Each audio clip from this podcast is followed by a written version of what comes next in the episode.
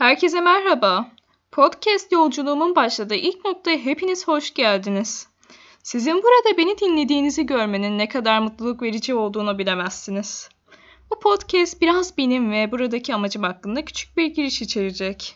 Sonraları felsefeden bahsetmeye başlayacağım.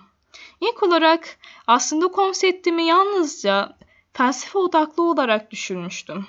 Sonrasında gelen ani bir ilhamla bu fikrim değişti ve daha geniş bir konu üzerine gitmeye karar verdim. Felsefenin yanı sıra sanat ve tarih gibi ilgi alanım üzerinde bulunan diğer kategorileri de işe dahil edip yolculuğuma öyle başlamanın daha iyi olacağını düşündüm. Tabii ilk podcast'im yine hazırlığını yaptığım üzere felsefe hakkında olacak. Ama sonrakiler de yine bahsettiğim öteki konuları içerecek. Bu yolculuğuma çıkmaktaki amacım kendimi geliştirmektir. Bu merakımda henüz yeniyim ve eğer ki öğrenmekte olduğum şeyleri birilerine, bir topluluğa anlatırsam daha hızlı gelişeceğime ve bununla birlikte hep beraber gelişeceğimize inanıyorum. Bir insanın felsefeden hoşlanması, sevmesi ve ilgi duyması kanımca böyle bir toplumda oldukça önemlidir. Felsefeden yoksun ve düşünmeyen insan ancak karanlık bir mağarada yetişmiş zincirlere bağlı ve gerçeği ancak mağara duvarına yansıyan gölgelerden ibaret bilen biri gibidir. Bu söylediklerim eminim size tanıdık gelmiştir. Platon'un mağara alegorisidir bu. Düşünmeyen toplumun durumu üzerinedir. Platon'un Devlet isimli kitabında hocası olan Sokrates'in ağzından anlatılır. Daha etraflıca bahsedecek olursak, Platon'un mağarasında çocukluktan itibaren karanlık mağarada bulunmuş ve sıkıca zincirlenmiş bazı mahkumlar vardır. Bu mahkumlar zincirlerden dolayı kafasını çevirip etrafa dahi bakamazlar. Görebildikleri tek şey arkalarındaki ateşten yansıyan bazı gölgelerdir. Mahkumlar gölgeleri gerçek nesneler olarak algılarlar. Tüm bunların varlığından biraz bile şüphe etmezler. Hatta mağarada yankılanan gürültülerin de gölgelere ait olduğunu düşünür. Bir gün mahkumlardan birinin zincirleri çözülüverir. Mahkum etrafı keşfetmeye başlar ve mağaranın dışına çıkar.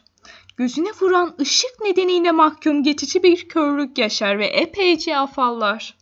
Bir nebze gözleri alıştığında önce diğer nesnelerin gölgelerine, sonrasında sudaki yansımalarına ve nihayetinde nesnelerin ta kendisine bakabilir. Gerçek ağaçlara, insanlara ve hayvanlara, en sonunda ise mahkumumuz tüm ışığın kaynağı olan güneşe doğrudan bakabilir ve asıl dünyayı tüm gerçekçiliğiyle algılar.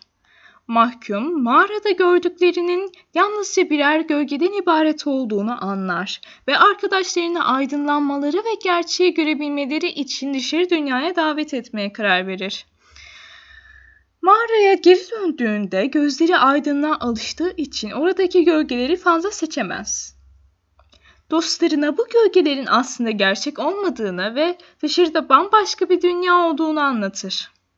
Ama diğer mahkumlar ona bir aptal olduğunu ve dışarı çıkmanın onu delirttiğini söylemekte ısrar ederler ve ardından memnuniyetle mağaralarında kalmayı sürdürürler. Mahkumların öyküsü bu şekildeydi. Peki gelelim gel buradan çıkartılacak anlama. Alegoride bir takım benzetmelere yer verilmiştir. Mağara toplumu simgeler, zincir ise toplumun sınırlayıcı kurallarıdır. Mağara duvarlarındaki gölgeler de toplumun gerçek kabul ettikleridir. Platon'un alegorisindeki mahkumlar toplumun sıradan insanlarıdır. Ancak çabalarıyla zincirleri kırıp ve mağaradan çıkmayı başarabilenler filozoflardır. Mağaradan çıkabilmek ise oldukça zordur. Zincirlerinden kurtulmuş ve gerçek bilgiye, Platon'un anlatımıyla idealar dünyasına erişebilmiş bir filozof insanları eğitebilir. Çünkü toplum cehalete inanma eğilimindedir ve diğerlerinin aksini söyleyen kimselerden nefret eder. İnsanlar cehalet içinde boğulurken onları aydınlatmak ve gerçeğe yöneltmek hiç kolay değildir. Bu alegoriye göre sorgulayan ve zincirlerini kıranlar ancak gerçeğe ulaşabilir. Bir sonraki yolculuğumuzda görüşmek üzere.